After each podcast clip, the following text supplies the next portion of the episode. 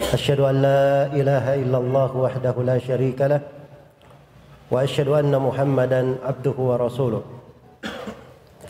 يا أيها الذين آمنوا اتقوا الله حق تقاته ولا تموتن إلا وأنتم مسلمون.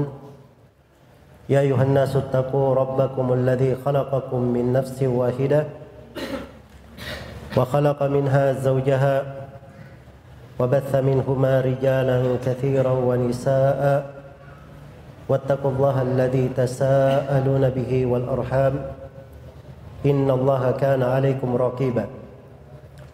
يا أيها الذين آمنوا اتقوا الله وقولوا قولا سديدا. يصلح لكم أعمالكم ويغفر لكم ذنوبكم. ومن يطع الله ورسوله فقد فاز فوزا عظيما أما بعد. فإن أصدق الحديث كتاب الله وخير الهدي هدي محمد صلى الله عليه وسلم وشر الأمور محدثاتها فإن كل محدثة بدعة وكل بدعة ضلالة وكل ضلالة في النار kaum muslimin dan muslimat, hadirin dan hadirat, rahimani wa rahimakumullah. Alhamdulillah kita bersyukur kepada Allah Subhanahu wa taala dan selalu memuji dan menyanjungnya atas segala nikmat dan karunia-Nya.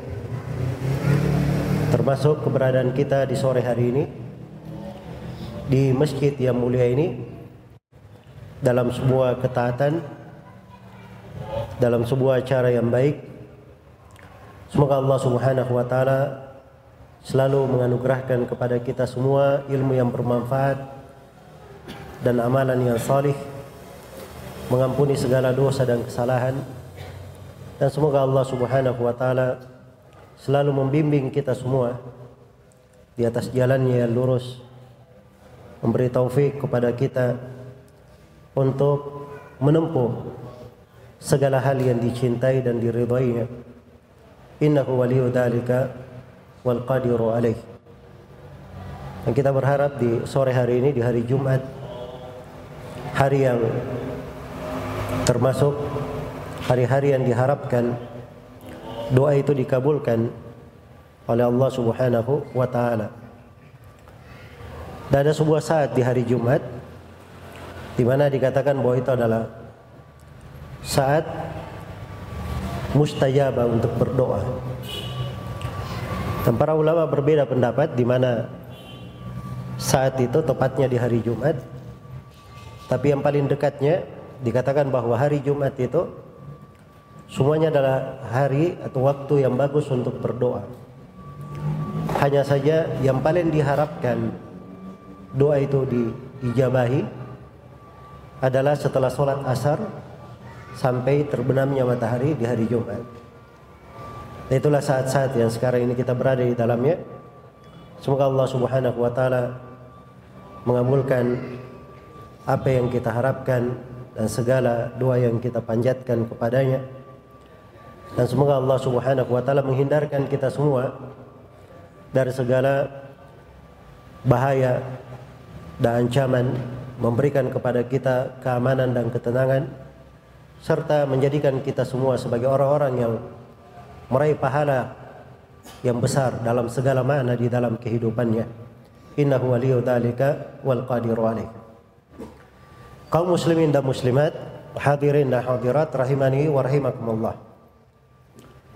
Untuk tema kajian kita pada sore hari ini, saya ingin membacakan dua ayat dari surah Al-Hajj yang di dalamnya terdapat renungan yang besar. Bagaimana harusnya kita menilai kejadian-kejadian yang terjadi di dalam kehidupan ini. Musibah-musibah yang menimpa serta berbagai peristiwa yang melanda. Allah Subhanahu wa taala mengingatkan wa ka'ayyim min qaryatin ahlaknaha hiya khawiyatun ala urushiha وهي ظالمة وبئر مؤطلة وقصر مشيد. أفلم يسيروا في الأرض فتكون لهم قلوب يأكلون بها أو آذان يسمعون بها. فإنها لا تعمى الأبصار ولكن تعمى القلوب التي في الصدور. Betapa banyak dari negeri-negeri yang kami binasakan. Wahia zalimah. Dalam keadaan dia berbuat kezaliman. Fahiya khawiyatun ala urushiha. Maka negeri-negeri ini terlihat bangunan-bangunannya itu telah menutupi terlihat dari tembok-temboknya sudah rata dengan atap-atapnya. Dan terlihat dari istana-istana atau sumur-sumur yang tidak bisa digunakan lagi atau tidak ada yang menggunakannya istana-istana yang sudah tidak berpenghuni. Keadaan negeri-negeri yang dibinasakan dihancurkan oleh Allah Subhanahu wa taala. Ini ayat-ayat datang setelah penyebutan bagaimana sejumlah umat dibinasakan oleh Allah Subhanahu wa taala. Kemudian Allah ingatkan kepada kita semua, apalam yasiru fil ard Tidakkah mereka berjalan di atas muka bumi? Fatakuna lahum qulub. Kemudian mereka itu memiliki hati. Ya'kiluna biha. Mereka berakal dengan hati-hati itu. Berfikir dengannya. Iya. Ya'kiluna biha. Berakal dan berfikir dengannya. Au adanun yasma'una biha dan tidakkah mereka memiliki telinga-telinga yang mereka pakai untuk mendengar? Fainaha la qulub. Sesungguhnya hal tersebut tidak membutakan hati-hati. Apa innaha la ta'mal absar? Sungguhnya hal tersebut tidak membutakan pandangan-pandangan mata, walakin ta'mal qulubul lati fis sudur tapi membutakan hati-hati yang berada di dalam dada. Maka ini sebuah kaidah besar di dalam Al-Qur'anul Karim. Sepertiga dari isi Al-Quran itu adalah kisah-kisah umat-umat yang telah berlalu. Umat-umat yang telah berlalu. Supaya kita mengambil pelajaran dari umat-umat tersebut. Wa tilkal qura ahlaknahum lamma zalamu wa ja'alna limahlikihim. Itulah negeri-negeri yang kami binasakan. Tatkala mereka berlaku zalim dan kami jadikan kebinasaan mereka sebuah janji yang sudah dipastikan sebuah waktu yang sudah digariskan. Iya. Jadi berbagai tempat di dalam Al-Quran dijelaskan bagaimana ada orang-orang yang dibinasakan, negeri-negeri yang dibinasakan, dikisahkan di dalam Al-Quran. Untuk apa hal tersebut? Supaya kita mengambil pelajaran. Dan di dalam kisah-kisah itu diterangkan apa sebab-sebab yang menyebabkan mereka dibinasakan? Apa sebab-sebab yang menyebabkan mereka dibinasakan? Dan diterangkan juga apa hal-hal yang dengannya seorang itu bisa dihindarkan dari musibah dan malapetaka. Ditolak darinya dari bencana-bencana adab dan siksaan. Nah, ini semuanya ada. Ketentuan-ketentuannya. Dan makna-makna ini adalah hal yang ditekankan. Termasuk di dalam ayat yang mulia ini.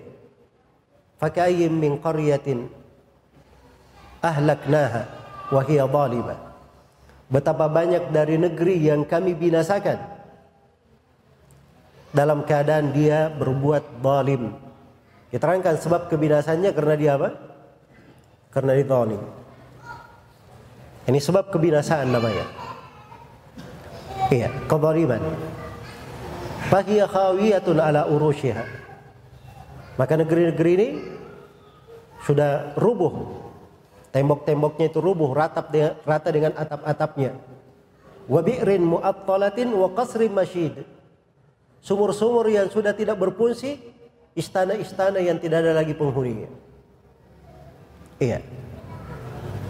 Mereka membangun dari bangunan-bangunan yang tinggi, istana-istana yang megah. Mereka tidak kekal di dalamnya. Jangankan kekal di dalamnya, mereka hidup dalam masa yang mereka inginkan juga mereka tidak dapatkan. Apa yang selama ini mereka bersusah payah mereka tinggalkan begitu saja. Sumur-sumur yang sudah mereka gali ada air-airnya tapi tidak berfungsi lagi. Karena tidak ada yang memanfaatkannya. Karena itu di umat ini kita diperintah. Apalam yasiru fil ard. Tidakkah mereka berjalan di atas muka bumi? Ini pentingnya. Seorang itu melihat dari kejadian-kejadian yang menimpa. Ya. Dimaklumi bahwa ayat ini ketika turun, ini turunnya kepada para sahabat Rasulullah sallallahu alaihi wasallam. Tempat-tempat yang kaum-kaum para nabi itu dibinasakan, itu oleh kebanyakan para sahabat tidak pernah dilihat oleh mereka. Tapi dikabarkan di dalam Al-Quran. Dikabarkan di dalam Al-Quran. Supaya diambil pelajaran akan hal tersebut. Iya. Diambil pelajaran. Karena itu siapa yang mendengar dari sebuah berita, dari sebuah kejadian yang menimpa, dari sebuah kejadian yang menimpa, maka harusnya dia mengambil pelajaran dari hal tersebut. Apalagi di masa sekarang ini. Masa yang teknologi sedemikian canggihnya, Kejadian apa pun yang terjadi, mungkin pada saat itu juga sudah sampai ke tempat-tempat yang lainnya, bahkan dalam hitungan beberapa saat sudah tersebar ke seluruh penjuru dunia. Maka harusnya itu lebih menyentuh hati. Lebih membuat kita segera berpikir. Membuat kita segera untuk introspeksi diri, memperbaiki diri, dan lebih mendekatkan diri kepada Allah Subhanahu wa taala. Karena itu dikatakan dalam ayat, "Afalam yasiru fil ard?" Tidakkah mereka jalan di atas muka bumi? Fatakuna lahum qulubun ya'kiluna biha. Sehingga mereka itu memiliki hati-hati mereka berakal dengannya. Hati itu dipakai untuk berakal. Seorang berpikir dengannya. Seorang berpikir. Akal itu dikatakan akal. Al-akal itu secara bahasa artinya al-mana. Sesuatu yang bisa menahan. Jadi dia dikatakan sebagai akal karena bisa menahannya dari hal yang tidak baik. Jadi seorang itu ketika dia berpikir, ya, ingin jatuh di dalam dosa dan maksiat, lalu dia berpikir akan bahaya dosa dan maksiat itu, sehingga dia tidak melakukannya, nah itu dikatakan orang yang berakal. Orang yang berakal. Iya. Karena itu orang yang membiasakan dirinya jatuh di dalam dosa dan maksiat, tidak bisa ditahan oleh akalnya, maka itu dikatakan orang yang tidak berakal. atau kurang berakal. Iya. Jadi dia memiliki hati, dia berakal dengannya. Dia berakal dengannya. Akal itu ada kaitannya dengan otak, ada kaitannya dengan hati. Ada kaitannya dengan hati. Dia berakal dengannya. Jadi kejadian menimpa, dia mengambil pelajaran, mengambil hikmah, membuat dirinya semakin berhati-hati. Itulah kehidupan seorang muslim. Seorang muslim itu pada segala hal yang menimpanya di dalam kehidupannya tidak membuat dia berhenti. Karena memang kehidupan itu adalah sebuah roda yang terus bergulir, tidak ada hentinya. Tidak ada di dalam hidup itu yang dikatakan seorang berhenti. Iya. Bahasa Al-Quran itu cuma membahasakan kehidupan hanya dua. Dia maju ke depan atau mundur ke belakang. Tapi kalau dia berhenti itu tidak dihitung. Ya, karena itu hitungan atas kita hanya ada dua. Dihitung maju ke depan atau mundur ke belakang. Itu ayat yang biasa kita baca ya. Liman syaa minkum aw. Bagi siapa yang berkehendak di antara kalian untuk maju ke depan atau mundur ke belakang. Tidak ada dalam bahasa Al-Quran dia berhenti di tempat. Tidak ada. Karena seluruh saat di dalam kehidupan itu adalah suatu hal yang dihisap atas kita semua. Suatu hal yang diperhitungkan atas kita semua. Iya. Karena itu dikatakan dalam Al-Qur'an, "Faman ya'mal mithqala dzarratin khairan yara." Siapa yang beramal sebuah kebaikan sebesar darah, maka dia akan melihatnya. "Wa may ya'mal mithqala dzarratin syarran yara." Dan siapa yang beramal sebesar darah dari kejelekan, dia akan melihatnya. Cuma ada dua, kebaikan atau apa? Kejelekan. Dan ini ayat disebut oleh Nabi Shallallahu Alaihi Wasallam sebagai ayat yang merupakan kaidah tetap yang mencakup segala makna di dalam kehidupan. Dan di dalam hadits qudsi yang diriwayatkan oleh Imam Muslim, Rasulullah Shallallahu Alaihi Wasallam bersabda bahwa Allah ber, Allah Subhanahu Wa Taala berfirman Haditnya panjang dalam firman Allah di hadits qudsi ini. Di antaranya adalah firman Allah Subhanahu wa taala, "Ya ibadi, innama hiya a'malukum uhsiha lakum thumma uwaffikum iyyaha.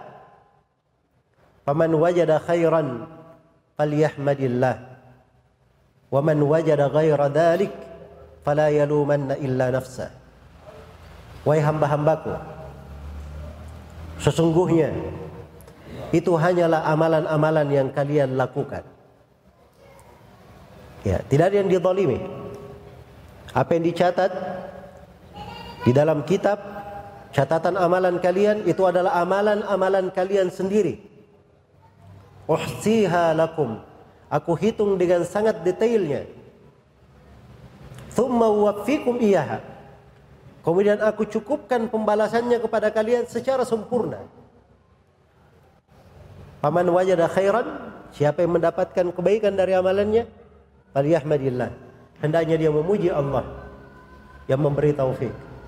Wa man wajada ghaira dalik fala yalumanna illa nafsa. Siapa yang mendapatkan selain daripada itu, maka jangan sekali-sekali dia mencela kecuali dirinya sendiri. Jangan sekali-sekali dia mencela kecuali dirinya sendiri. Ya. Segala sesuatu sudah diterangkan. Semua jalan telah dijelaskan. Jangankan jalan kebaikan, jalan yang membahayakan saja, jalan kesesatan, hal-hal yang buruk itu juga diterangkan kepada kita supaya kita berhati-hati darinya, menjauhinya, berwaspada terhadapnya. Kadzalika nufassilul ayat walitastabina sabilul mujrimin. Allah Subhanahu wa taala berfirman demikianlah kami merinci ayat-ayat supaya tampak jelas jalannya orang-orang yang berdosa. Jadi ayat kebenaran tentang jalan yang lurus dirinci dengan sejelas-jelasnya supaya jalan yang satunya juga kelihatan. Jalan orang-orang yang berdosa juga tampak agar supaya kita menghindarinya. Dan manusia ketika dicipta oleh Allah Subhanahu wa taala memang Allah telah menggariskan bahwa mereka akan ditunjukkan kepada dua jalan. Itu ayat yang sering kita baca ya di juz Amma. Wa hadainahun najdain. Kami beri manusia ini kepada dua najd. Najdain, dua najd. Dua najd ini dalam salah satu penafsiran artinya ditunjukkan padanya dua jalan, jalan hidayah dan jalan kesesatan. Semuanya dijelaskan. Semuanya dijelaskan. Jadi kalau dia mendapatkan di dalam catatan amalannya kejelekan, jangan sekali-sekali dia menyalahkan kecuali dirinya sendiri. Telah datang kepada kita Al-Quranul Karim. Sebuah kitab yang di dalamnya tibyanul likulli syait. Penjelas untuk segala sesuatu. Kitab yang merinci segala perkara. Tidak ada yang ditelantarkan penyebutannya kecuali Al-Quran menjelaskannya. Allah firman, Ma farratana fil kitabi min. Kami tidak pernah menelantarkan sesuatu apa pun penyebutannya di dalam Al-Quran. Kita diutus atau diutus kepada kita seorang nabi. Dan nabinya bukan sembarang nabi. Dia adalah penghulu para nabi dan para rasul. Sayyidul Anbiya wal Mursalin. Nabi kita Nabi Muhammad sallallahu alaihi wasallam. Dengan beliau agama disempurnakan. Al-yauma akmaltu lakum dinakum wa atmamtu alaikum ni'mati wa raditu lakum al-islam madina. Pada hari ini telah ku sempurnakan agama kalian untuk kalian dan telah ku cukupkan nikmatku atas kalian serta telah ku ridai Islam sebagai agama kalian. Dengan diutusnya Nabi sallallahu alaihi wasallam segala hal menjadi terang sampai malamnya sama dengan siangnya.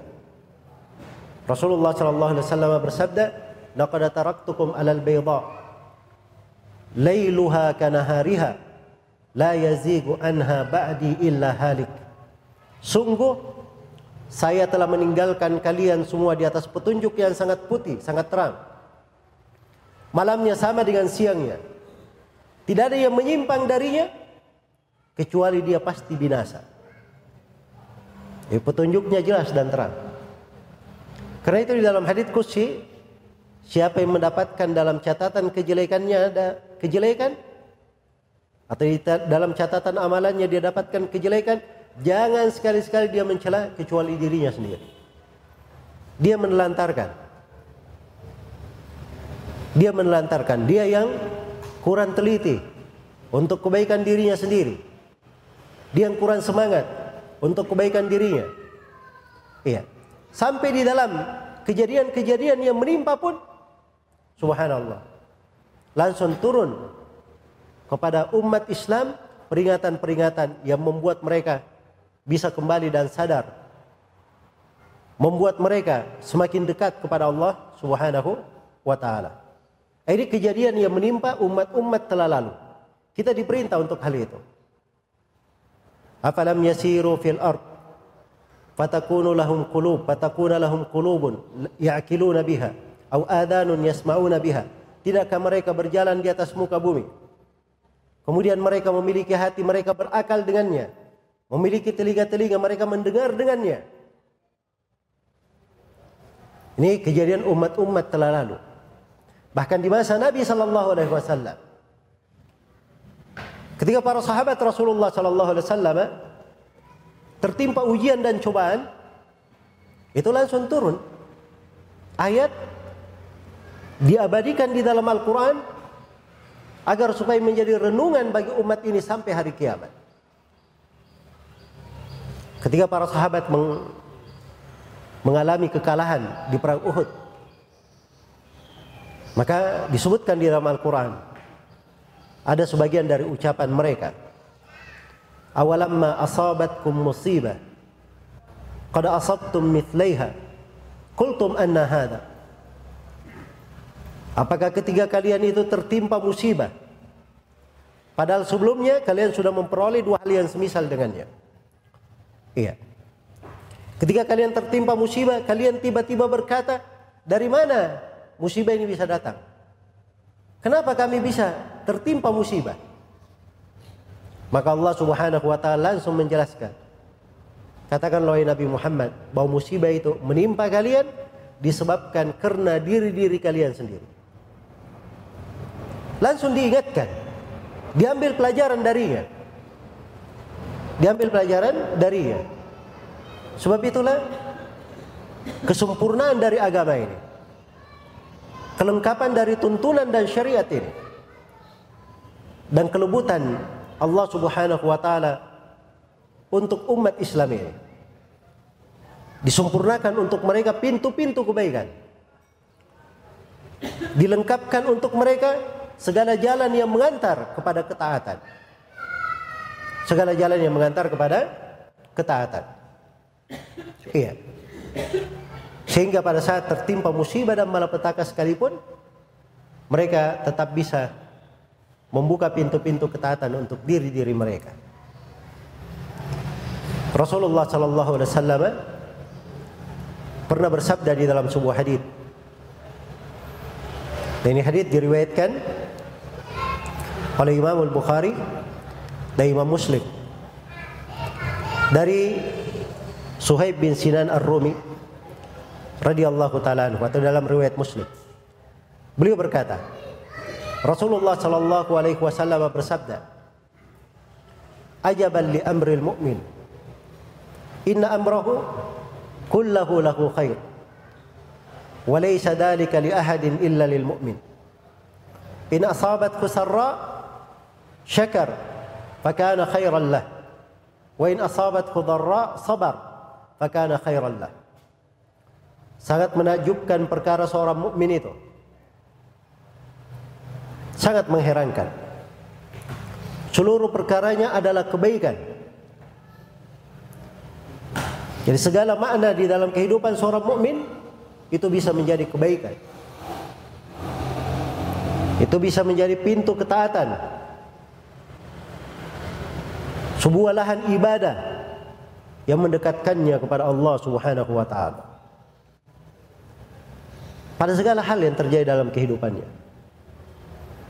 Dan ini tidak terjadi untuk seorang pun kecuali untuk seorang mukmin saya. Bagaimana itu? Nabi memberi rincian. In asabatku sarra syakar. Maka ada khairan lah. Kalau dia mendapatkan kesenangan, mendapatkan kelapangan, dia bersyukur. Maka kebaikan yang didapatkan. Wa in asabathu dharra sabar fakana khairan lah. Kalau dia tertimpa bahaya, tertimpa bahaya, dia bersabar. Maka kebaikan pula yang dia dapatkan. Subhanallah dapat kesenangan, dia melakukan ibadah syukur, dapat kebaikan. Terbuka untuknya pintu ibadah. Dia kena ujian dan cobaan, ada ibadah namanya sabar. Pintu sabar. Dia bersabar dalam hal tersebut, maka dia kembali mendapatkan kebaikan. Jadi segala hal dalam kehidupannya dia mendapatkan kebaikan. Karena itu bagi seorang muslim kehidupan itu tidak ada masalah. Mau datang dalam bentuk apa saja itu tidak ada masalah. Iya. Karena memang kehidupan ini kita tidak bisa mengontrol hari-harinya semuanya menjadi kesenangan saya. Semuanya berubah menjadi kemenangan saya.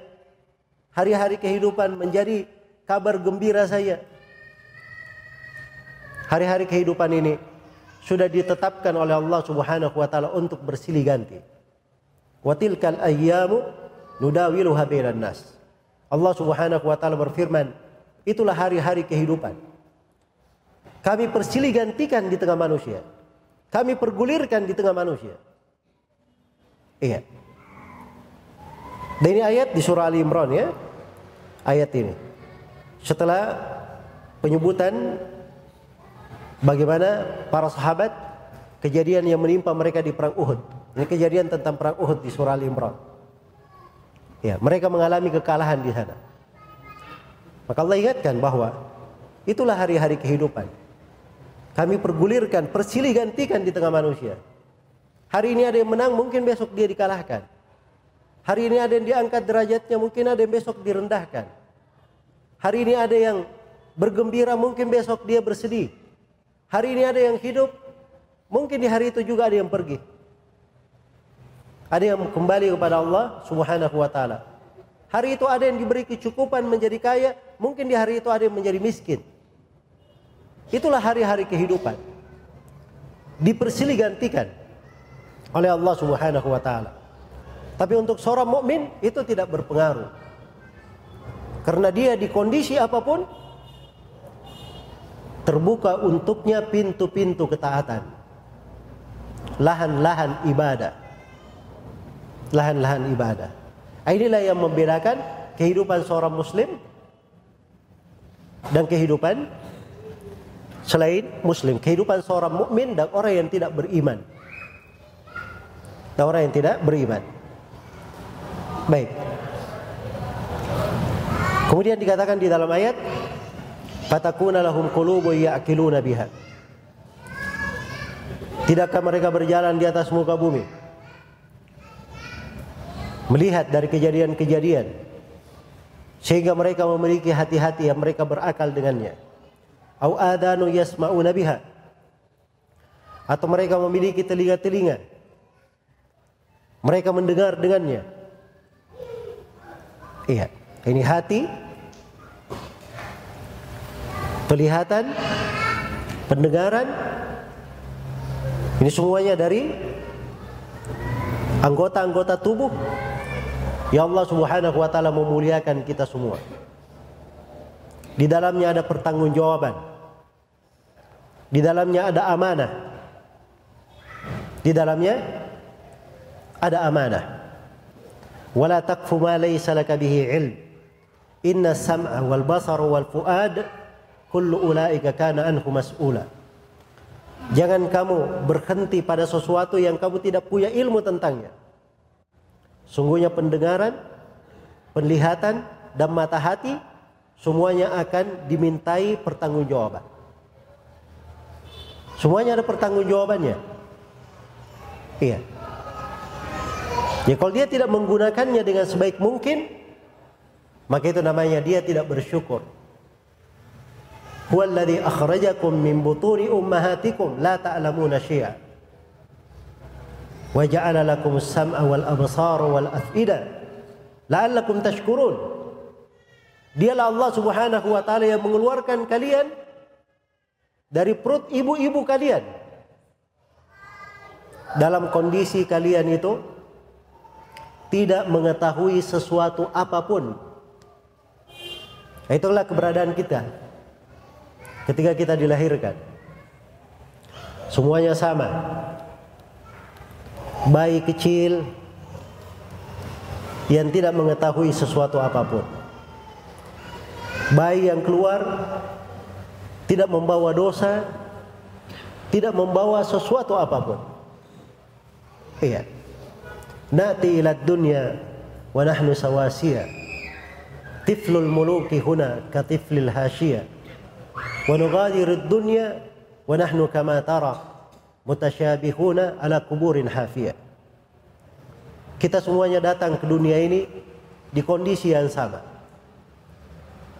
Anak-anak raja dalam hal tersebut sama saja dengan anak-anak miskin yang lahir di pelosok kota. Dan kita akan meninggalkan dunia ini di kondisi kita juga semuanya sama. Mirip pada kubur-kubur tidak ada yang menungguinya. Kubur-kubur yang gersang.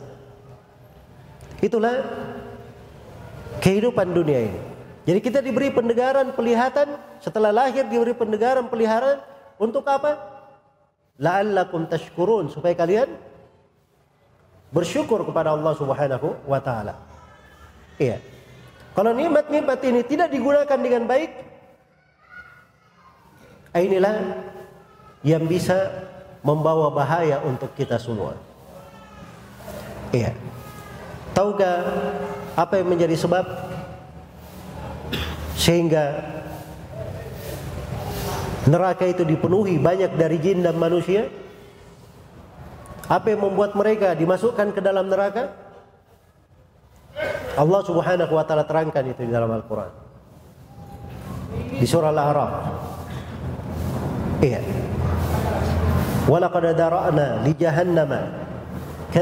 Minal jinni wal ins lahum qulubun la ya'qiluna biha wa lahum a'yunun la yubsiruna biha wa lahum adhanun la yasma'una biha ulaika kal an'ami bal hum adall ulaika humul ghafilun Sungguh kami telah memenuhi neraka jahanam banyak dari jin dan manusia. Mereka punya hati tidak dipakai tidak dipakai berpikir punya mata tidak dipakai melihat. Punya telinga tidak dipakai mendengar. Mereka ini orang-orang yang lebih buruk. Orang-orang ini yang dikatakan dalam Al-Quran mereka ini orang-orang seperti hewan-hewan ternak. Bahkan lebih tersesat daripada hewan ternak. Mereka inilah orang-orang yang lalai. Orang-orang yang lalai.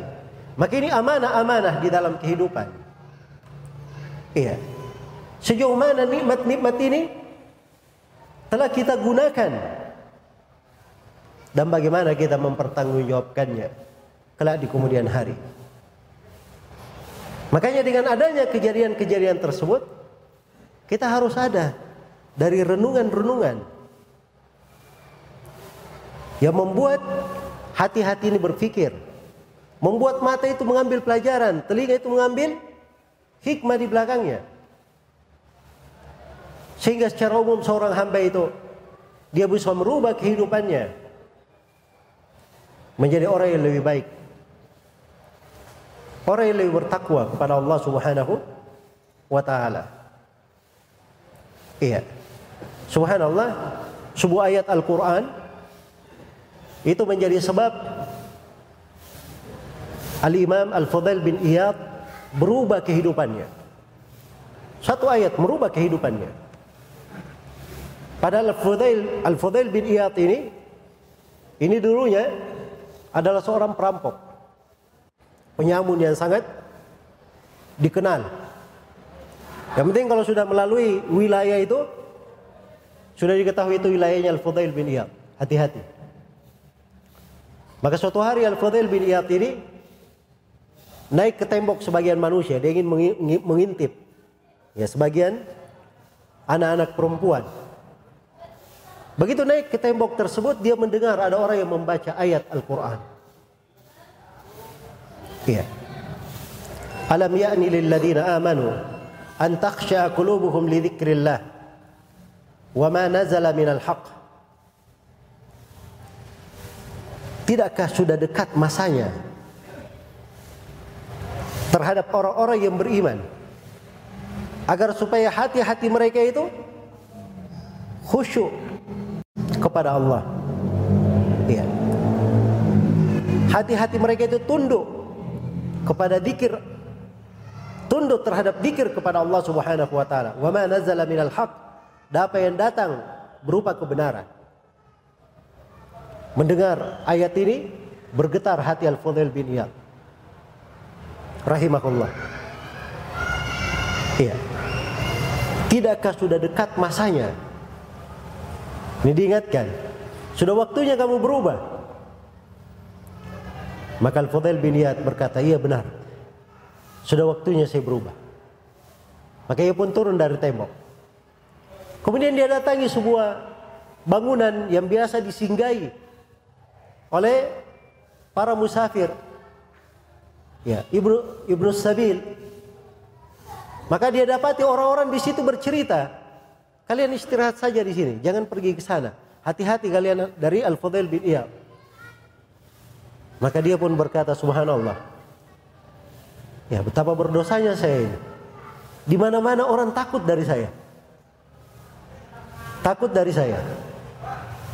Maka semenjak itulah Al-Fudail bin Iyad rahimahullahu taala beliau bertobat. Beliau pun belajar menuntut ilmu kemudian menjadi ahli ibadah. Menjadi ahli ibadah di Mekah. Dan beliau tersohor dengan keberadaannya di Mekah, di Medina sehingga beliau dikenal sebagai Abidul Haramain, ahli ibadah di dua tanah haram.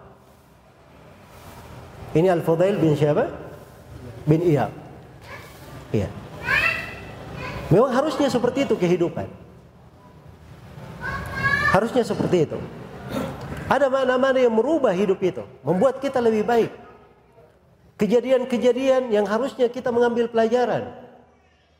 Jangan dibiarkan berlalu begitu saja. Jangan dibiarkan berlalu begitu saja. Iya. Ketika terjadi kejadian-kejadian musibah-musibah, jangan berkata oh, itu menimpa orang lain. Tidak menimpa saya. Jangan merasa aman dari kejadian-kejadian dari musibah-musibah. Ya musibah-musibah itu sebab-sebab terjadinya dan sebab-sebab turunnya juga ada di tempat-tempat yang lainnya. Ada di tempat-tempat yang lainnya. Maka kita harus berpikir besar di dalam hal tersebut. Hati-hati ini harus berakal, berpikir. Mata dan pendengaran harusnya mengambil ibrah dan pelajaran. Fainnaha la ta'mal absar. Orang yang tidak berpikir dalam hal ini itu tidak membutakan matanya. Betul matanya itu melihat. Betul matanya melihat. Tapi yang dibutakan adalah hati-hati yang berada di dalam dada. Itu yang dikhawatirkan yang menjadi buta. Karena hati ini kalau dia sudah buta, inilah sebab kejelekan untuk seorang hamba. Iya membuatnya dia mati dengan kematian yang sebenarnya. Kematian pada hatinya itu adalah kematian yang hakiki untuknya di kehidupan dunia. Itu kematian yang sebenarnya. Sebelum dia dikubur, dia sebenarnya itu sudah mati, sudah dikubur. Orang-orang yang seperti ini. Dan kadang kejadian-kejadian yang menyimpah itu sama sekali tidak memberikan pengaruh untuknya. Sebagaimana orang yang sudah mati disayat dengan sayatan apa pun dia tidak akan terasa. Wa ma li jurhin bimayyitin ilamu. Melukai mayat-mayat itu tidak akan memberikan rasa sakit. Karena dia sudah mati. Jadi hal-hal yang terjadi ini, musibah-musibah yang menimpa itu tidak membuatnya berubah. Dan ini naudzubillah dari tanda matinya hati. Dan ini adalah hal yang harusnya kita khawatirkan. Karena seorang itu apabila sudah buta pandangan matanya di kehidupan dunia ini, di kehidupan akhiratnya dia lebih buta lagi dan lebih tersesat. Allah Subhanahu wa taala berfirman, "Wa man kana fi hadhihi a'ma, fa huwa fil akhirati a'ma wa adallu sabila." Barang siapa yang di kehidupan dunia ini dia buta, maka di kehidupan akhirat dia akan buta juga dan lebih tersesat jalannya. Dan Allah Subhanahu wa taala berfirman, "Faman hudaya fala yadhillu wa la yashqa, a'rada an dhikri fa inna lahu ma'isyatan dhanka wa nahsyuruhu yawmal qiyamati a'ma." Qala rabbi lima hasyartani a'ma wa qad kuntu basira. Qala kadzalika atatka ayatuna fanasitaha wa kadzalika al-yawma tunsa. Barang siapa yang mengikuti petunjukku maka dia tidak akan tersesat dan tidak akan sesat. Ya Allah menegaskan Barang siapa yang berpaling dari mengingat kepada maka untuknya kehidupan yang sempit dan dia akan dibangkitkan oleh Allah dalam keadaan buta. Dia berkata, wahai Rabbku, kenapa saya dibangkitkan dalam keadaan buta? Padahal dulunya saya melihat. Maka Allah firman demikianlah telah datang kepada engkau ayat-ayat kami. Kemudian engkau melupakannya maka pada hari engkau juga dilupakan. Pada hari ini engkau juga dilupakan. Diberi untuknya sesuai dengan balasan amalan yang dia. Baik, maka secara umum pada dua ayat yang saya bacakan ini, ini kaidah besarnya untuk kita semua. Bagaimana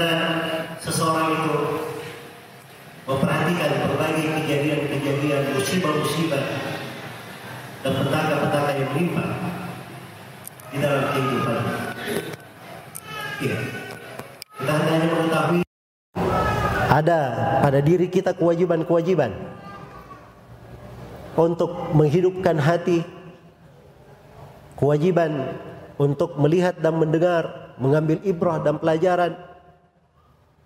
Ini semuanya akan dipertanyakan nanti pada hari kiamat. Dipertanyakan untuk kita semua di dalam hal tersebut. Kemudian yang kedua, kita juga harusnya mengambil pelajaran apa sebab-sebab yang menyebabkan turunnya musibah dan malapetaka itu. Menjadi sebab turunnya musibah dan malapetaka. Kemudian yang ketiga, dua ayat yang saya bacakan tadi, ini juga adalah kaidah tetap bahwa di belakang kejadian-kejadian itu kita dituntut untuk mengambil pelajaran-pelajaran. Melangkah dengan langkah-langkah yang disyariatkan guna mendekatkan diri kita kepada Allah Subhanahu wa taala dan menjauhkan kita semua dari segala petaka dan kejelekan. Iya. Maka di sini tentunya di dalam ayat diterangkan di antara sebab turunnya musibah dalam dan malapetaka adalah kezaliman. Adalah kezaliman. Iya. Negeri-negeri yang dibinasakan mereka bersyirikat di dalam apa? Di dalam kezaliman. Ada perbuatan zalim yang mereka kerjakan. Sehingga turun dari musibah dan malapetaka itu. Kezaliman itu terbagi tiga. Kezaliman terbagi berapa? terbagi tiga. Syah di dalam sebuah hadis dihasankan oleh sebagian ulama bahwa Rasulullah sallallahu alaihi wasallam bersabda Abdul Muthalas kezaliman ada tiga Zulmun la yughfaru wa zulmun yughfaru wa zulmun la yutraku Yang pertama adalah kezaliman yang tidak diampuni Yang pertama Kemudian yang kedua, kezaliman yang bisa diampuni. Kemudian yang ketiga adalah kezaliman yang tidak akan ditinggalkan. Kezaliman yang tidak akan ditinggalkan. Adapun kezaliman yang pertama, Dulmun yukfaru. Kezaliman yang apa? Tidak akan diampuni. Itu adalah perbuatan kesyirikan kepada Allah Subhanahu wa taala. Perbuatan kesyirikan. Syirik akbar. Ini tidak akan diampuni. Sebagaimana firman Allah Subhanahu wa taala, "Inna Allah la yaghfiru an yushraka wa yaghfiru ma duna dzalika liman yasha." Sesungguhnya Allah tidak mengampuni dosa kesyirikan dan mengampuni selain daripada itu bagi siapa yang Allah Subhanahu wa taala kehendaki. Ini maksudnya kalau seorang berbuat kesyirikan kemudian dia meninggal dalam keadaan belum bertobat dari apa? kesyirikannya. Jadi kalau dia berbuat kesyirikan meninggal belum bertobat, maka itu syiriknya tidak akan diampuni. Tapi kalau sebelum meninggal dia bertobat dan bagus tobatnya, Allah mengampuni semua dosa orang kafir masuk Islam, maka diampuni kekafirannya, diterima apa? Keislamannya. Al-Islamu yahdumu ma qabla. Keislaman menghancurkan apa yang sebelumnya. Kan begitu? Dan Allah Subhanahu wa taala berfirman, "Qul ya ibadiyalladzina asrafu ala anfusihim la taqnatu min rahmatillah. Innallaha yaghfiru dzunuba jami'an. Innahu huwal ghafurur rahim." Katakanlah wahai Nabi Muhammad, Katakanlah kepada mereka, sampaikan kepada mereka firmanku. Wahai hamba-hambaku yang melampaui batas terhadap diri-diri mereka. Jangan kalian berputus asa dari rahmat Allah. Sungguhnya Allah mengampuni segala dosa. Sungguhnya Allah Maha Pengampun lagi Maha Penyayang. Karena itu ayat ini, Inna Allah la yaghfiru ayyushraka. Sungguhnya Allah tidak mengampuni dosa kesyirikan. Ini ayat terkait dengan orang yang meninggal dan belum apa? Belum bertobat. Kesyirikan tidak akan diampuni. Adapun selain dosa kesyirikan, di kelanjutan ayat dikatakan, "Wa yaghfiru ma duna dzalika liman yasha." Dan Allah ampuni Selain daripada itu bagi siapa yang Allah kehendaki. Jadi kalau misalnya ada yang berbuat dosa besar, dia meminum khamar misalnya, berzina dan seterusnya, dia meninggal belum bertobat, maka ini dosa di bawah kehendak Allah. Kalau Allah berkehendak dia disiksa sesuai dengan dosanya, kalau Allah berkehendak dia diampuni. Ini sepanjang dia memiliki pokok keislaman yaitu beribadah hanya kepada Allah dan tidak pernah berbuat kesyirikan. Beribadah kepada Allah dan tidak pernah berbuat kesyirikan. Jadi kezaliman yang paling besar, kezaliman yang tidak akan diampuni itu adalah syirik akbar. Dan ini adalah sebab pokok yang menyebabkan terjadinya musibah dan malapetaka. Dan sebab kehancuran berbagai umat yang telah lalu. Terjadinya kesyirikan. Iya. Bisa dibayangkan ya. Syirik akbar ini kalau terjadi bagaimana kondisi dari makhluk-makhluk Allah Subhanahu wa taala. Langit, bumi, pegunungan. Allah Subhanahu wa taala berfirman, "Wa qalu ittakhadha ar-rahman walada." Laqad ji'tum syai'an idda. Mereka berkata bahwa Allah Ar-Rahman memiliki anak. Maka Allah berfirman, sungguh kalian telah membawa sebuah perkara yang sangat besar. Ketika mereka berkata Allah memiliki anak, ini kekafiran dan kesyirikan sekaligus. Kekafiran dan kesyirikan sekaligus. Maka Allah ingatkan kalian telah membawa perkara yang sangat besar. Sangat mungkar. Hampir saja takadus samawati yatafattarna minhu. Wa tanshaqqul ardu wa takhirrul jibalu hadda. Hampir saja langit itu meleleh karenanya. Hampir saja bumi itu terbelah dan gunung-gunung runtuh karena hal tersebut. Anda aulir rahmani walada wa ma yanbaghi lirrahmani ay yattakhidha walada. Mereka berkata bahwa Allah memiliki anak, padahal Allah itu sangat tidak pantas dikatakan memiliki anak. Iya. Maka ini perhatikan bagaimana kondisi dari makhluk-makhluk Allah ketika terjadi kesyirikan. Andai kata tidak ditahan oleh Allah Subhanahu wa taala, ya, setiap kali terjadi kesyirikan pasti akan dibinasakan manusia itu. Dan dikata tidak ditahan oleh Allah Subhanahu wa taala. Setiap kali kita berbuat dosa, kita disiksa karenanya, tidak ada yang akan hidup di atas muka bumi. Tidak yang hidup di atas muka bumi. Tapi kita diberi kesempatan untuk bertobat. Diberi kesempatan untuk mengambil pelajaran, merenungi. Diberi kesempatan untuk memperbaiki diri. Ya.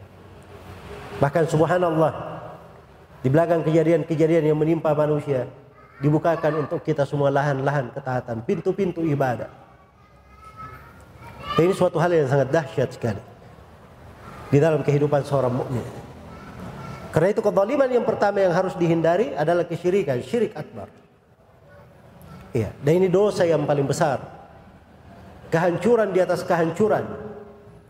Kebinasaan yang paling besarnya sampai diibaratkan di dalam Al-Qur'an wa may yusyrik billah faka'annama kharra minas sama' fatakhtafuhu at-tayr aw tahwi bihi ar-rihu fi makanin sahiq barang siapa yang berbuat kesyirikan kepada Allah maka dia seakan-akan jatuh dari langit seakan-akan jatuh dari langit.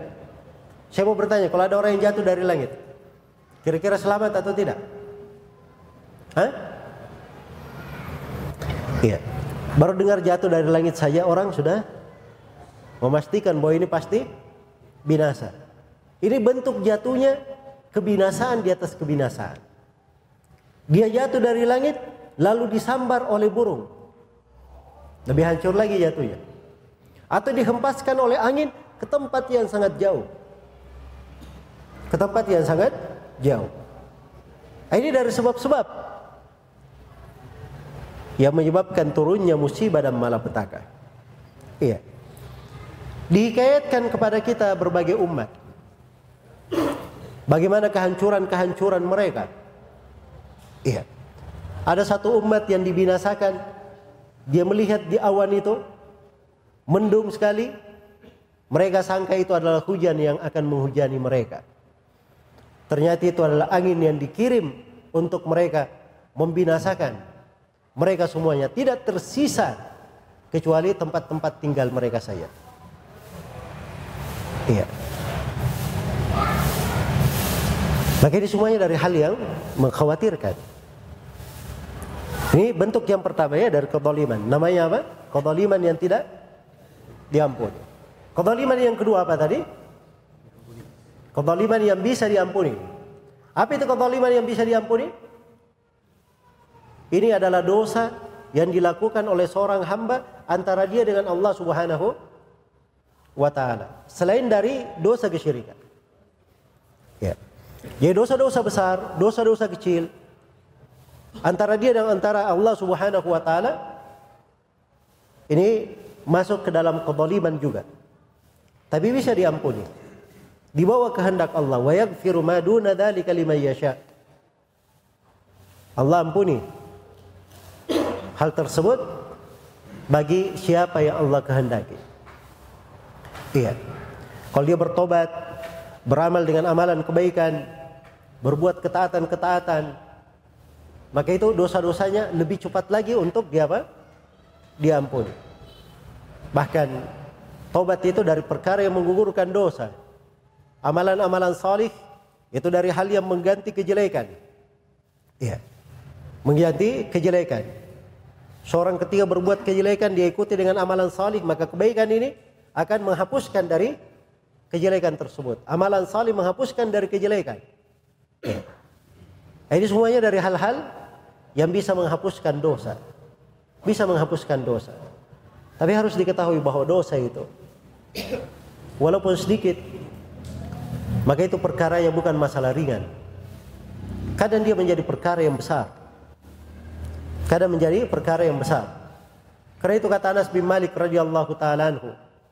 Ini Anas bin Malik berucap kepada orang-orang di masa di masa beliau melihat manusia para tabi'in. Anas bin Malik berkata, "Innakum la ta'maluna amalan hiya adakku fi ayunikum minasy-sya'r wa in kunna la na'udduha ala ahdi Rasulillah sallallahu alaihi wasallam minal mubiqat." Sesungguhnya kalian itu melakukan amalan-amalan Ya amalan-amalan ini di mata-mata kalian lebih tipis daripada rambut. Amalan kalian anggap sepele, ringan. Tapi amalan-amalan ini kata Anas bin Malik, kami menghitungnya di masa Nabi Sallallahu Alaihi Wasallam dari perkara yang menghancurkan, perkara yang membinasakan. Ini satu sudut yang membedakan kita antara jalannya para sahabat dan orang yang datang setelahnya. Para sahabat itu pengagungannya kepada Allah sangat besar. Sehingga ada dosa, walaupun dosa itu sangat kecil, mereka juga menganggapnya sangat besar. Karena cara memandangnya beda. Ya. Kalau kita Masya Allah, semakin belajar semakin pintar saya. Ya. Dosa terbagi dua, ada dosa besar, ada dosa kecil. Bagus, pikirnya bagus. Ketika dia dapat ini hukumnya, oh ini dosa kecil. Ah nggak apa-apa dah, dosa kecil kok nggak ada masalah. Nanti sebentar saya pergi sholat terhapus juga. Saya beruduk gugur dosa kecil saya. Jadi dia belajar bukannya semakin mendekatkan kepada Allah, tapi membuat dia semakin apa? Semakin banyak jatuh di dalam dosa. Tapi kalau para sahabat tidak seperti itu jalan mereka. Iya. Para as-salaf itu sangat tajam memandang dosa. Karena itu sebagian mereka berkata, "La tanzur ila sigaril ma'siyah, walakin inzur ila man ta'si." Jangan kamu lihat kepada kecilnya dosa itu.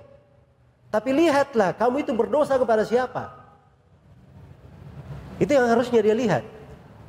Jangan lihat kepada kecilnya dosa, tapi lihat kepada siapa? Kamu berdosa. Allah itu maha besar. Ya. Kalau dia selalu melihat kepada Allah, yang kecil pun dia akan apa? Dia anggap menjadi besar. Ah, itulah namanya ketakwaan di dalam hati. Nah, ini fikih dan ilmunya para sahabat yang berbeda dengan manusia yang datang setelahnya. Ya. Karena itu mereka melakukan amalan-amalan besar dari dosa-dosa besar. Ya. Mereka berkampangan di dalamnya. Dianggap sebagai perkara lebih kecil daripada rambut. Ya. Tapi di masa para sahabat itu dihitung dari hal yang menghancurkan. Dari hal yang menghancurkan. Kemudian yang ketiga, dari kezaliman ada namanya dulmun la yutraku, kezaliman yang tidak akan ditinggalkan. Tapi kezaliman ini diperhitungkan. Kezaliman diperhitungkan. Nah, ini kezaliman yang sifatnya terjadi antara seorang hamba dengan hamba yang lain. Kezaliman antara sesama makhluk. Iya. Ada yang memukul saudaranya, merampas haknya, melanggar kehormatannya, mencelanya, mencaci makinya, bergibah terhadapnya, menumpahkan darahnya dan sebagainya dari perbuatan kedoliman. Ini kedoliman tidak akan ditinggalkan. Semuanya akan dihisap. Allah Subhanahu wa taala sudah menetapkan adanya timbangan-timbangan keadilan untuk hal tersebut. Wa nadha'ul mawazin al-qist li yawmil qiyamah fala tudlamu nafsun syai'a dan kami letakkan timbangan-timbangan keadilan pada hari kiamat maka tidak ada satu jiwa pun yang dizalimi tidak ada satu jiwa pun yang dizalimi wa in kana mithqala habatin min khardalin ataina biha wa kafa bina hasibin walaupun amalannya hanya sebesar biji khardal kami akan datangkan amalan itu Cukuplah kami sebaik-baik yang menghisap. Jangankan antara sesama makhluk. Iya. Jangankan di dalam dosa-dosa besar. Di dalam dosa-dosa kecil pun ya, itu kadang ada hisapnya. Apa yang diambil dari hak saudaranya walaupun sebesar kayu saja itu akan dipertimbangkan. Man man shibran min ardi akhi tuwiqahu yawmal qiyamah min sab'a aradin. Siapa yang mengambil tanah saudaranya walaupun sejengkal, maka ada pada hari kiamat akan dikalungkan di lehernya tujuh bumi. Ya, ini bukan tujuh tanah. Tujuh bumi dikalungkan di lehernya pada hari kiamat. Gara-gara mengambil apa? Singkal tanah. Ya. Bukan cuma makhluk saja yang ditegakkan, bukan cuma manusia yang ditegakkan ke keadilan di tengah mereka, dilakukan kisah sampai hewan-hewan pun ditegakkan kisah di tengah mereka. Diriwayatkan oleh Imam Muslim dari Abu Hurairah radhiyallahu taala anhu, Rasulullah sallallahu alaihi wasallam bersabda, "La tu'addunna al-huququ ila ahliha hatta yuqadu lisyatil jalha'i min syatil qarna." Sungguh setiap hak itu akan dikembalikan kepada pemiliknya masing-masing sampai kambing yang patah tanduknya itu meminta pertanggungjawaban dari kambing yang mematahkannya. Jadi antara hewan saya dikisas, ditegakkan keadilan. Iya. Karena itu kezaliman dalam bentuk apa saja itu tidak diterima. Dan jangan seorang itu jatuh di dalam perbuatan kezaliman dalam bentuk apa pun. Iya. Paling indahnya di dalam kehidupan itu seorang menghadap kepada Allah Subhanahu wa taala dalam keadaan hatinya itu tidak menyandang dosa apa pun. Dia tidak ada masalah dengan siapa pun dari manusia. Iya. Dia kembali kepada Allah Subhanahu wa taala dalam kondisi tidak ada seorang pun yang menuntutnya. Tidak ada seorang pun yang menuntutnya. Maka ini adalah pintu-pintu kebaikan untuk dirinya. Kalau ada yang berlaku zalim kepadanya, berbuat kejelekan kepadanya, maka itu jangan dia pandang sebagai hal yang membahayakannya. Iya. sebagai hal yang membahayakannya. Bahkan itu mungkin bisa menjadi pintu-pintu ketaatan. Pintu-pintu ketaatan. Ya Allah bukakan untuk mereka. Karena itu dari dahulu para ulama, orang-orang yang berilmu, ya, di antara manusia ada yang mencela mereka, mencaci mereka, bergibat terhadap mereka, berdusta terhadap mereka. Apakah itu Imam Ahmad, Imam Syafi'i, Imam Malik, Imam Abu Hanifah, maupun para imam yang lain. Dan kadang itu terjadi. Itu adalah kebaikan yang Allah Subhanahu wa taala bukakan untuk mereka. Kadang ada orang yang berbicara jelek tentang mereka menjadi sebab dosa-dosa mereka diampuni. Ya. Dan mungkin menjadi sebab dia memperoleh amalan-amalan kebaikan di belakangnya. Tapi yang paling penting bagi seorang hamba adalah bagaimana dia tidak berlaku zalim kepada siapa pun dari manusia.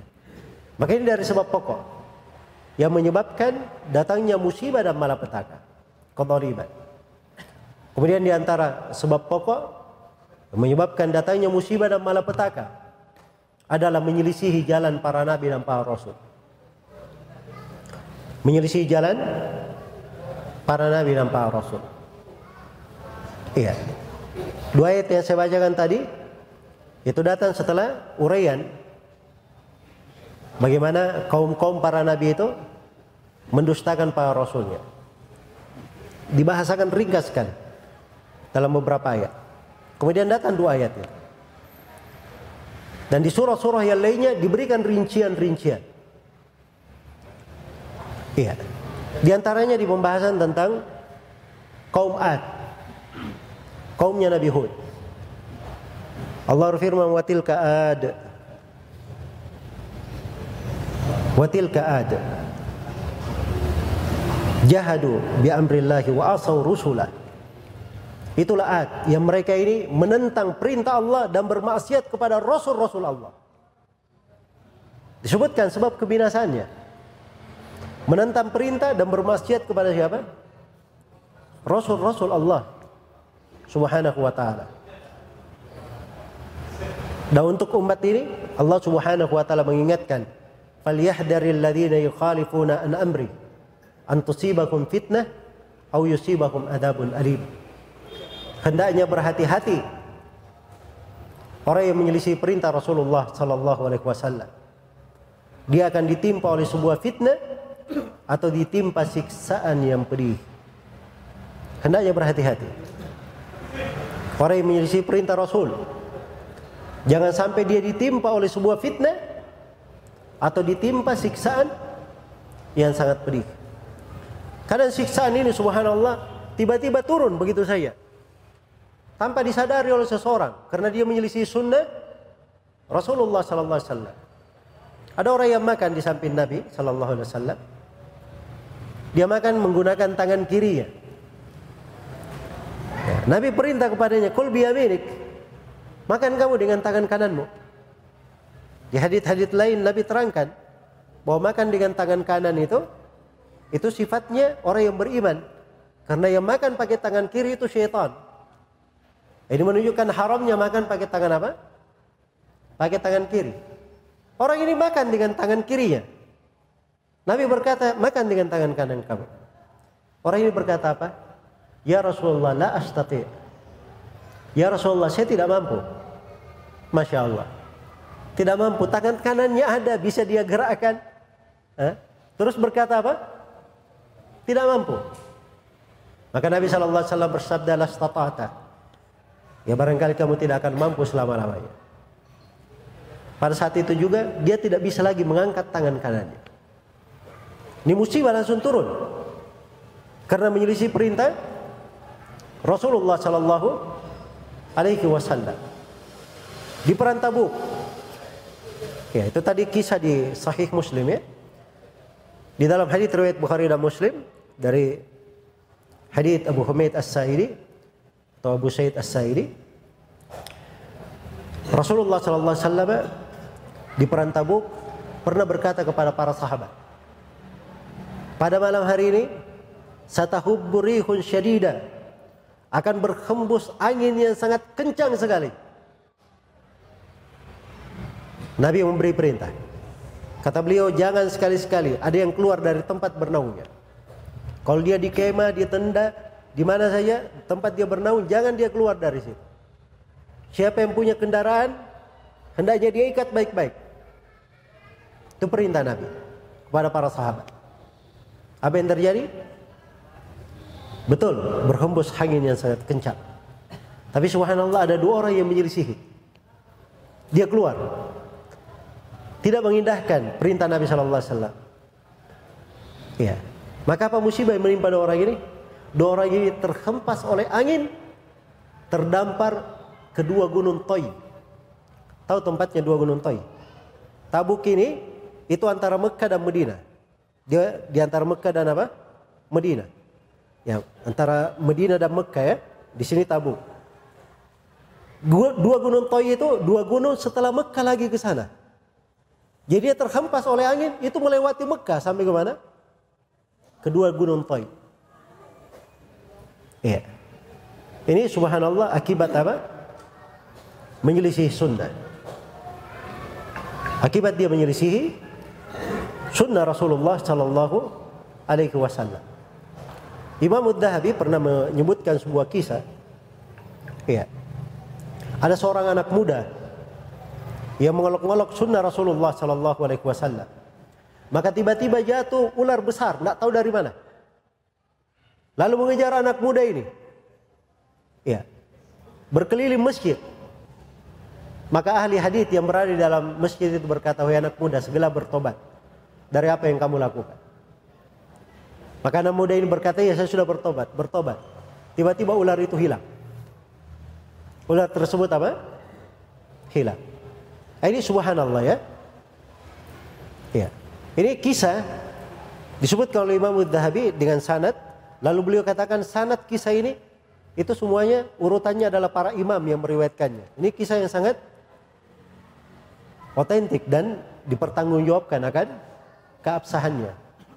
Ini bukan tipe dari cerita para tukang kisah yang tidak tahu dari mana asal usulnya diambil. Tapi ini kejadian orang yang menyelisih apa? Sunnah Rasulullah Sallallahu Alaihi Wasallam. Karena itu di antara sebab turunnya musibah dan malapetaka adalah menyelisih sunnah Nabi Sallallahu Alaihi Wasallam, menyelisih ketentuan syariat. Nah, itulah ketika terjadi hal-hal yang seperti itu di tengah umat, banyak perkara yang dilakukan oleh umat ini menyelisihi apa yang diperintah oleh Allah Subhanahu wa taala dan rasulnya. Nah, itulah sebab datangnya musibah dan malapetaka. Sebab datangnya musibah dan malapetaka. Iya. Karena itu sangat penting sekali. Seorang itu kembali kepada jalan agama. Kembali kepada jalan Rasulullah sallallahu alaihi wasallam. Dia berpegang teguh dengan Al-Qur'an dan Sunnah Rasulullah Shallallahu Alaihi Wasallam. Ah, itulah sebab yang akan menyelamatkannya. Pintu segala kebaikan. Pintu segala kebaikan. Iya. Karena itu siapa yang ingin musibah itu diangkat dari dirinya. Dia aman dari musibah dan malapetaka. Maka ada beberapa hal yang diterangkan di dalam Al-Quran yang merupakan jalan keselamatan. Yang merupakan jalan keselamatan untuk seorang hamba. Yang pertama adalah keimanan kepada Allah dan banyak bersyukur terhadap karunia dan nikmat Allah. Allah berfirman, "Ma yaf'alu Allahu bi'adzabikum in syakartum wa amantum wa kana Allahu syakiran alima." Allah tidak perlu menyiksa kalian. Allah tidak perlu menyiksa kalian sepanjang kalian itu bersyukur dan beriman. Allah tidak akan menyiksa kalian, tidak perlu menyiksa kalian sepanjang kalian apa? Bersyukur dan beriman. Wa kana Allahu syakiran alima. Sesungguhnya Allah Maha mensyukuri apa yang dilakukan oleh hamba dan Allah Maha mengetahui siapa di antara mereka yang ikhlas, yang benar kesyukurannya, benar keimanannya. Ini dua ya, keimanan dan apa? Kesyukuran. Ini selalu kita dengar keimanan ini keimanan, keimanan, keimanan. Ya. Tapi yang menjadi masalah melangkah kepada mana keimanan ini beriman dengan keimanan yang benar ini kurang upaya kita untuk ke sana. Kurang upaya kita untuk ke sana. Padahal Nabi Shallallahu Alaihi Wasallam itu mengajarkan kepada anak-anak muda para sahabat. Diajarkan kepada mereka keimanan dari tauhid sebelum mereka belajar Al-Quran. Iya. Ini penanaman. Karena keimanan ini perlu dipelajari. Perlu ditanamkan di dalam jiwa. Iya. Jadi kesadaran untuk beriman, kita ingin menjadi orang yang beriman, ah, itu semuanya cita-cita mungkin setiap muslim dan muslimah. Tapi yang menjadi masalah, apakah dia berjalan di atas jalan yang benar untuk beriman? Nah, ini yang menjadi titik permasalahan. Karena banyak orang yang mengatakan dirinya beriman atau ingin beriman, tapi dia tidak belajar. Kalau dia tidak belajar itu namanya berangan-angan. Iya. Ingin beriman dengan keimanan yang benar, dia harus belajar harus menuntut ilmu. Harus menjadi seorang penuntut ilmu. Paling tidak dia harus menjadi orang yang senang bertanya kepada para ulama. Bertanya kepada orang-orang yang berilmu. Agar supaya dibimbing di atas jalan. Diarahkan di atas keimanan. Dikuatkan di atas mana-mana keimanan. Nah, itu pentingnya belajar dan menuntut ilmu. Iya. Tapi kalau dia jauh dari belajar, tidak menempuh jalan yang benar di dalam belajar, ini bisa berpengaruh di dalam keimanan. Baik, kemudian di antara jalan keselamatan adalah selalu mengadakan perbaikan. Selalu mengadakan perbaikan. Mengadakan islah. Karena Allah Subhanahu wa taala berfirman, "Wa ma kana rabbuka liyuhlikal qura bi dhulm wa ahluha muslihun." Dan tidaklah sekali-sekali Rabbmu membinasakan, membinasakan sebuah negeri yang melakukan kezaliman. Allah tidak akan membinasakan sebuah negeri yang melakukan kezaliman sepanjang penduduknya masih mengadakan perbaikan.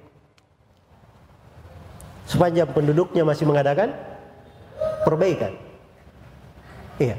Jadi kalau di tengah umat ini masih ada orang-orang yang mengadakan perbaikan, ada amar ma'ruf nahi mungkar.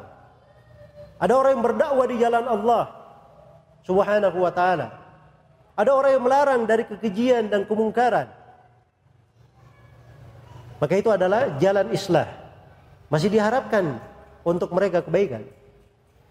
Iya. Karena itu penduduk Mekah yang mayoritas mereka kaum musyrikin menentang Nabi Shallallahu alaihi wasallam. Harusnya mereka ini dibinasakan. Apalagi mereka menentang Allah Subhanahu wa taala. Tantangannya itu itu luar biasa mengerikan. Disebutkan ucapan mereka di dalam Al-Qur'an. Wa qalu Allahumma in kana hadha huwal haqq min indik famtir alaina hijaratan minas sama'i itina bi'adabin alim. Ketika penduduk Mekah itu berkata, dia berkata kepada Allah, "Ya Allah, kalau memang agama Nabi Muhammad ini benar dari sisi Engkau, maka hujanilah kami batu dari langit." dan datangkan kepada mereka kepada kami siksaan yang pedih. Ini naudzubillah ya. Bagaimana mereka menantang siapa? Ini menantang Allah.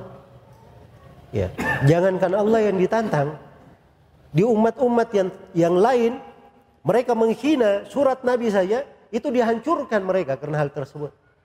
Seperti Kisra ketika dikirimi surat oleh Nabi, Kisra menyobek-nyobek surat Nabi. Maka Nabi mendoakan Allahumma mazzik mulkahu Ya Allah, sobek-sobek kekuasaannya. Kisra pun dikodeta, dibunuh oleh anaknya, dikodeta sampai hari ini Kisra ya kerajaan Persia itu tidak ada bekas-bekasnya kayak tidak ada. Cuman pernah ada terdengar di sejarah saja. Peninggalannya itu tidak kelihatan. Dihabiskan. Ini mencela siapa? Nabi Shallallahu Alaihi Wasallam. Menentang Allah kaum musyrikin. Tapi tidak disiksa. Kenapa? Diterangkan di ayat setelahnya. Wa ma kana Allahu liyu'adzibahum wa anta fihim. Wa ma kana Allahu mu'adzibahum wahum yastaghfirun. Allah tidak akan menyiksa mereka wahai Nabi Muhammad sepanjang engkau masih berada di tengah mereka. Ya, keberadaan Nabi yang di tengah mereka itu menjadi sebab tidak turun siksaan kepada mereka. Karena itu keberadaan orang-orang soleh seperti itu. Kemudian di kelanjutan ayat dikatakan, Allah tidak akan menyiksa mereka sepanjang para sahabat engkau masih beristighfar, masih memohon ampun kepada Allah Subhanahu wa taala. Iya. Maka memang betul. Sekarang ini subhanallah kita melihat dari berbagai kesyirikan yang sangat mengerikan. Kekafiran-kekafiran yang dianggap sebagai suatu hal yang biasa. Sebagiannya menjadi budaya, sebagai tontonan, sebagai hiburan. Padahal itu adalah kekufuran kepada Allah Subhanahu wa taala. Kekafiran kepada Allah. Dari bentuk sihir, perdukunan dan sebagainya. Iya. Masuk di tengah anak-anak kecil kita. Dari hal-hal yang berbentuk sihir. Itu dihitung sihir ya. Dari perkara-perkara yang terlihat ya, misalnya bisa hilang, kemudian dia bisa membuat orang terbang, ya bisa membuat orang apa namanya dia memiliki tenaga dalam dan sebagainya. Itu dianggap sebagai hal yang biasa.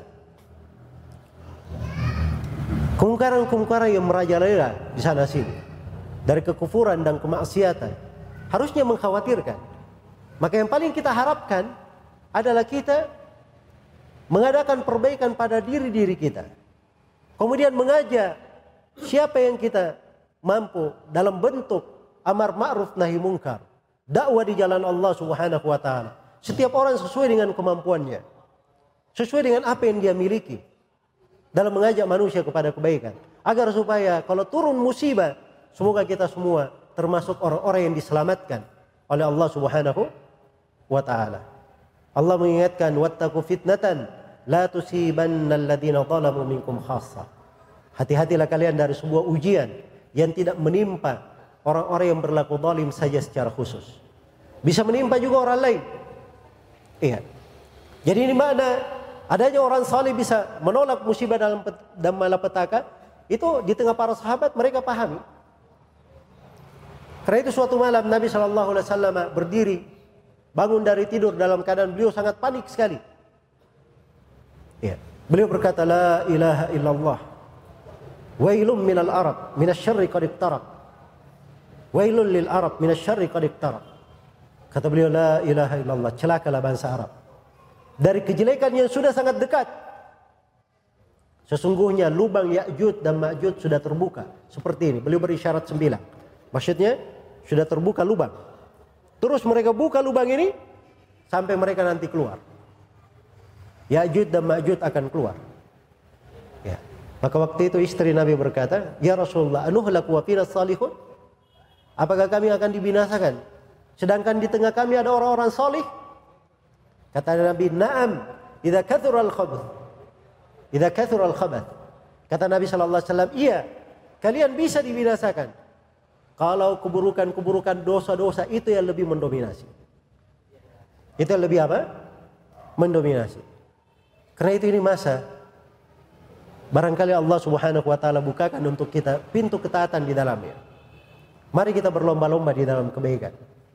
Saling memberi motivasi di dalam ketaatan, saling mengajak kepada Allah Subhanahu wa taala, kembali kepada agama. Komitmen di atas ketaatan, meninggalkan dosa-dosa dan maksiat. Iya. Dan setiap orang itu pada nikmat dan anugerah yang Allah berikan kepadanya, dia gunakan sebaik mungkin untuk mendekatkannya kepada Allah Subhanahu wa taala. Baik. Bagi di mana-mana ringkas terkait dengan tema kita di pembahasan hari ini. Tentunya ya banyak ya pembahasan-pembahasan yang terkait dengan tema ini. Namun semoga apa yang saya bacakan dari rangkaian dua ayat yang telah kita uraikan di surah Al-Hajj bisa menjadi pedoman untuk kita semua di dalam menata kehidupan dan membenahi diri-diri kita. Dan semoga Allah Subhanahu wa taala menjaga kita semua di atas ketaatan menghindarkan kita semua dari segala musibah dan malapetaka dan kita memohon ampun kepada Allah Subhanahu wa taala dari segala dosa dan kita berlindung kepada Allah Subhanahu wa taala dari segala bentuk kesyirikan, kezaliman, dosa-dosa besar maupun dosa-dosa kecil yang tampak maupun yang tidak tampak. Dan kita mengharap kepada Allah Subhanahu wa taala semoga majelis ini termasuk majelis yang kita diampuni di dalamnya, ditinggikan derajat-derajat kita dan selalu diberikan untuk kita cahaya dan hidayah. Kita berjalan di atasnya. Innahu waliyudzalika wal qadiru alaih. Wallahu taala alam. Ini mungkin yang bisa saya sampaikan untuk kesempatan ringkas ini.